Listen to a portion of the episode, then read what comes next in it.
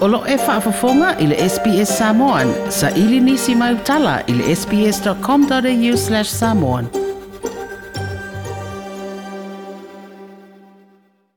Sidia ma le piriona mea ola ua wha le tonu o na oafi sa sao solo ane i te tonu au sitania. E wha maile au popoto i au sitania e ono to e wha a te tereina fo inisi a fianga i le si si manga pe awa ai atu i aso matau o lumana i atu o pea malane maisi mea ola e le o au fia ai lea whainumera numera tele ma ua ta ua sui e ono whaalua ina le nei whainumera. numera. O mea ola e te tele tino sa wha tau na ngai ese i le te mina mua ia tō ngā wao o na o le tuai na ngai ese o mea ola ia au fia i ma le koala ta ua le polofesa suafa ia Darryl Jones o le sui whaatonu o le Environmental Future Research Institute i le University Griffiths e whai lava si tele o a fianga o. Like the people that, like myself who think about this from an ecological perspective are just standing back going, what is going to happen? I mean, it really, we just don't know. I don't think it's an exaggeration to show, to say that this could change at least Eastern Australia forever in some sort of fashion. O le le lava o mea ai i no fuanga o matua sunu ina lava. E ilo ai o le to tele la na fa sao ina mai le afi. Na to ia fa ina lava o no manuanga fa mai ma le fia a ai foi. A wa o fa ititia mea sa mawai mea ai mo nai mea ola. E ui le tele o mea ola e wawele ngā ioi.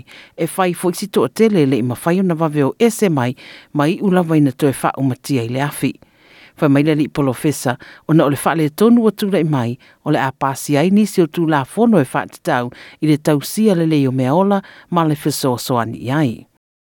Vast areas of of forest need to recover just allowed to return to what they used to be. That will take a long time. It probably won't be exactly the same. It can't be. It's been too big and, and the scale too large. Nature doesn't sit around. I mean, nature right now will be getting ready for whatever's going to happen. It will rain. It's starting to rain in a few places. As soon as the, the, the, the fires are out, the nutrients will return to the soil. The eucalypts are used to fires.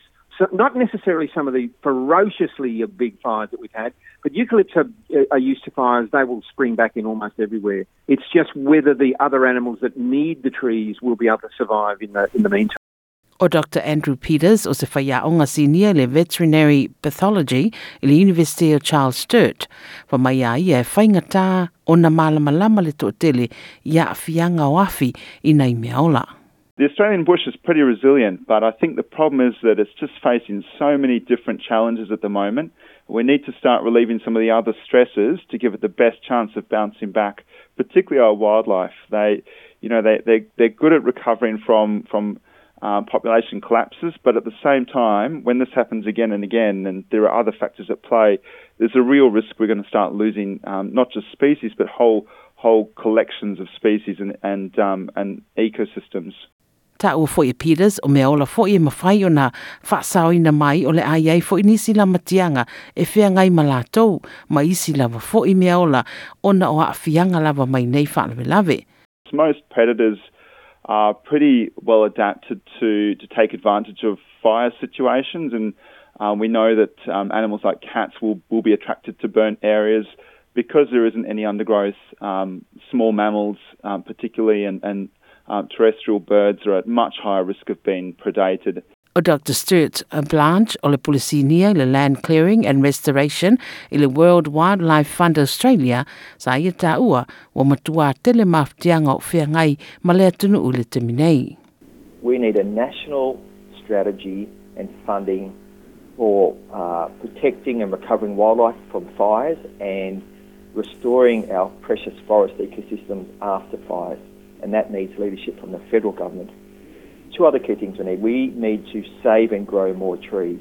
WWF has a plan to save and grow 2 billion trees across Australia by 2030, and that is to address historic deforestation.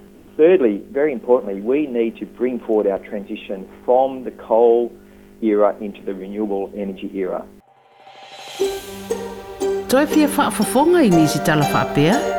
Whaafafonga i le Apple Podcast, le Google Podcast, Spotify, ma po o whea lawa e mawailau podcast.